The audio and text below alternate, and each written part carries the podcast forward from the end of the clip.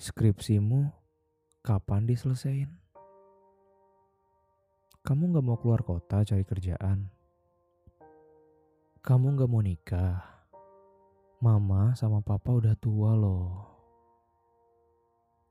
Itu loh, coba kamu lihat anak tetangga kita.